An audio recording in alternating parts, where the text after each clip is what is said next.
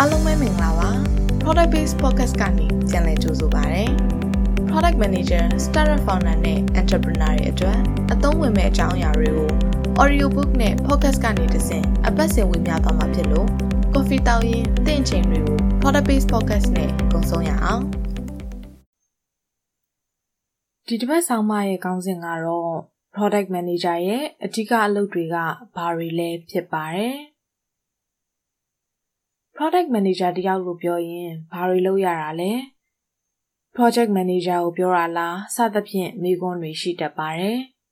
။ကျွန်တော်တို့မြန်မာပြည်မှာလည်းများသောအားဖြင့် Product Manager ရာလို့ဖြစ်ပေမဲ့ကုမ္ပဏီအတွက်တကယ်လုပ်ပေးရတာက Project Management ကိုအာရုံစိုက်ရတဲ့အလုပ်တွေဖြစ်တတ်ပါတယ်။ဒါကြောင့်ဒီဆောင်မမှာ Product Manager တယောက်ကဘာတွေကိုအဓိကတာဝန်ယူလုပ်ဆောင်ရလဲဆိုတာကိုဝေမျှပေးချင်ပါတယ်။ Product Manager တယောက် Product အတွက်လှုပ်ဆောင်ရတာတွေကိုအပိုင်း၃ပိုင်းနဲ့အကျဉ်းချုပ်လို့ရနိုင်ပါတယ်။ပိုပြီးမြင်သာအောင်ဥပမာတစ်ခုစီနဲ့တွဲဖက်ပြောသွားပါမယ်။ပထမဆုံးအချက်က identifying problems ဖြစ်ပါတယ်။အရင်ဆုံးမိမိတို့လှုပ်ဆောင်ရမယ့် feature အသစ် product အသစ်တွေအတွက် customer ရဲ့ problem တွေကိုသတ်မှတ်ပါတယ်။ ဘာဖြစ်လို့လဲဆိုရင် feature အသစ်တွေ product အသစ်တွေထည့်ရဲဆိုတာမိမိ customer တွေရဲ့ problem တွေကိုအနည်းနဲ့အများဖြေရှင်းပေးဖို့ဖြစ်လို့ပါ။ဒါကြောင့် product manager တယောက်အနေနဲ့မိမိ product ရဲ့ customer တွေအခက်အခဲလိုအပ်ချက်တွေကိုရှာဖွေရပါမယ်။ market research နဲ့ user research တွေလုပ်ပြီးမိမိဖြေရှင်းပေးမဲ့ problem တွေကိုခွဲခြားသတ်မှတ်ပေးရပါမယ်။ဥပမာအနေနဲ့ logistic delivery application ပြုလုပ်မယ်ဆိုပါစို့ဒီ application တွေနဲ့ပတ်သက်ပြီး user တွေရဲ့ problem တွေကိုသတ်မှတ်ရပါမယ် market ထဲမှာရှိတဲ့ competitor တွေအကြောင်းလေ့လာမယ်သူတို့ပေးနေတဲ့ service တွေရဲ့အားသာချက်အားနည်းချက်တွေကိုမှတ်သားမယ်အဲ့ဒီ service တွေနဲ့ပတ်သက်ပြီး user တွေအများဆုံးတွေ့ရတဲ့အခက်အခဲတွေကိုရှာဖွေမယ် delivery လာလုပ်ရင် customer ရဲ့အိမ်လိပ်စာရှာမရတာက delivery service ရဲ့ problem တစ်ခုပါ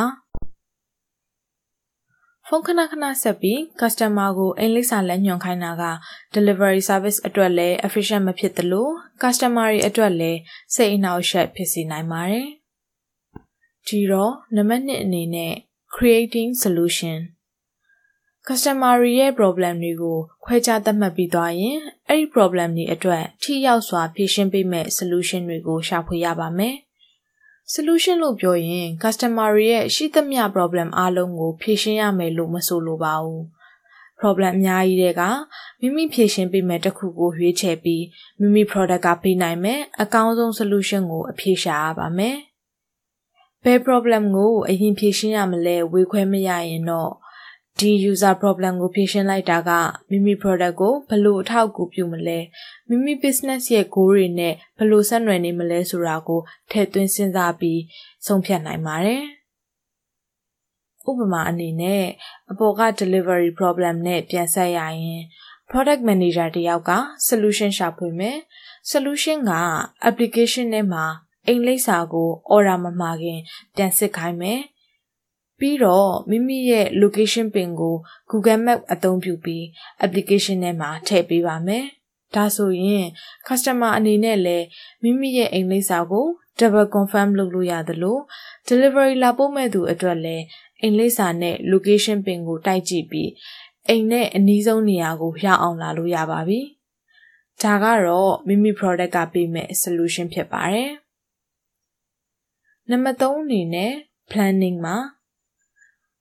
product manager တယောက်အနေနဲ့ဖြေရှင်းပေးမဲ့ problem နဲ့တွေ့ပြီအဲ့ဒီ problem အတွက်လည်း solution ရပြီဆိုရင်နောက်ဆုံးတစ်ခုက plan ဆွဲရပါမယ် planning လို့ပြောရင်မိမိ solution တွေကို အကောင့်ထဲပေါ်ဖို့လိုအပ်တဲ့အဆင့်တွေကိုဘာပြီးရင်ဘာလုပ်မယ်ဆိုတာကိုကြိုတင်သတ်မှတ်ရတာပါ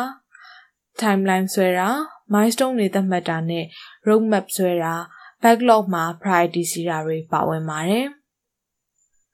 planning အဆင့်ရဲ့ဥပမာအနေနဲ့ delivery problem နဲ့ solution ကိုအကောင့်ထဲပေါ်ဖို့ plan ဆွဲပါမယ်။ plan ဆွဲတဲ့အခါမိမိဖြေရှင်းပေးမယ့် problem က product roadmap နဲ့လောက်ချိတ်ဆက်နေလဲပေါ်မူတည်ပြီး product backlog ထဲမှာ priority စီပါတယ်။ဥပမာ product roadmap ထဲမှာ increase customer satisfactory rate by 30%လို့ပါတယ်ဆိုပါစို့ မိမိဖြေရှင်းပေးမယ့်ပြဿနာကလည်းအဲ့ဒီအချက်ကိုအကျိုးပြုရဲဆိုရင် business value လည်းပေးနိုင်ပြီမို့ဒုတိယအဆင့်အနေနဲ့ product backlog ထဲထည့်ပါမယ်။ backlog ကို review လုပ်ပြီးဘယ်တော့ develop လုပ်သင့်လဲဆိုတာကို product manager က priority သတ်မှတ်ပါတယ်။ဒါကတော့ product manager တယောက်အနေနဲ့ product အတွက်အဓိကထားလှုပ်ဆောင်ရတဲ့အပိုင်း၃ပိုင်းကိုအကျဉ်းချုပ်ပြောပြသွားတာပါ။ ဒီလုပ်ငန်းဆောင်တာတွေကိုလှုပ်ဆောင်ဖို့နေ့စဉ် run ရတဲ့ text တွေ meeting တွေကိုတော့ product manager ရဲ့တနေ့တာဆောင်ပါမှာဖတ်ရှုနိုင်ပါတယ်။နောက်ထပ်နားဆင်ခြင်းတဲ့အကြောင်းအရာတွေရှိရင်လည်း product based website နဲ့ Facebook page တို့မှာ request လုပ်နိုင်ပါတယ်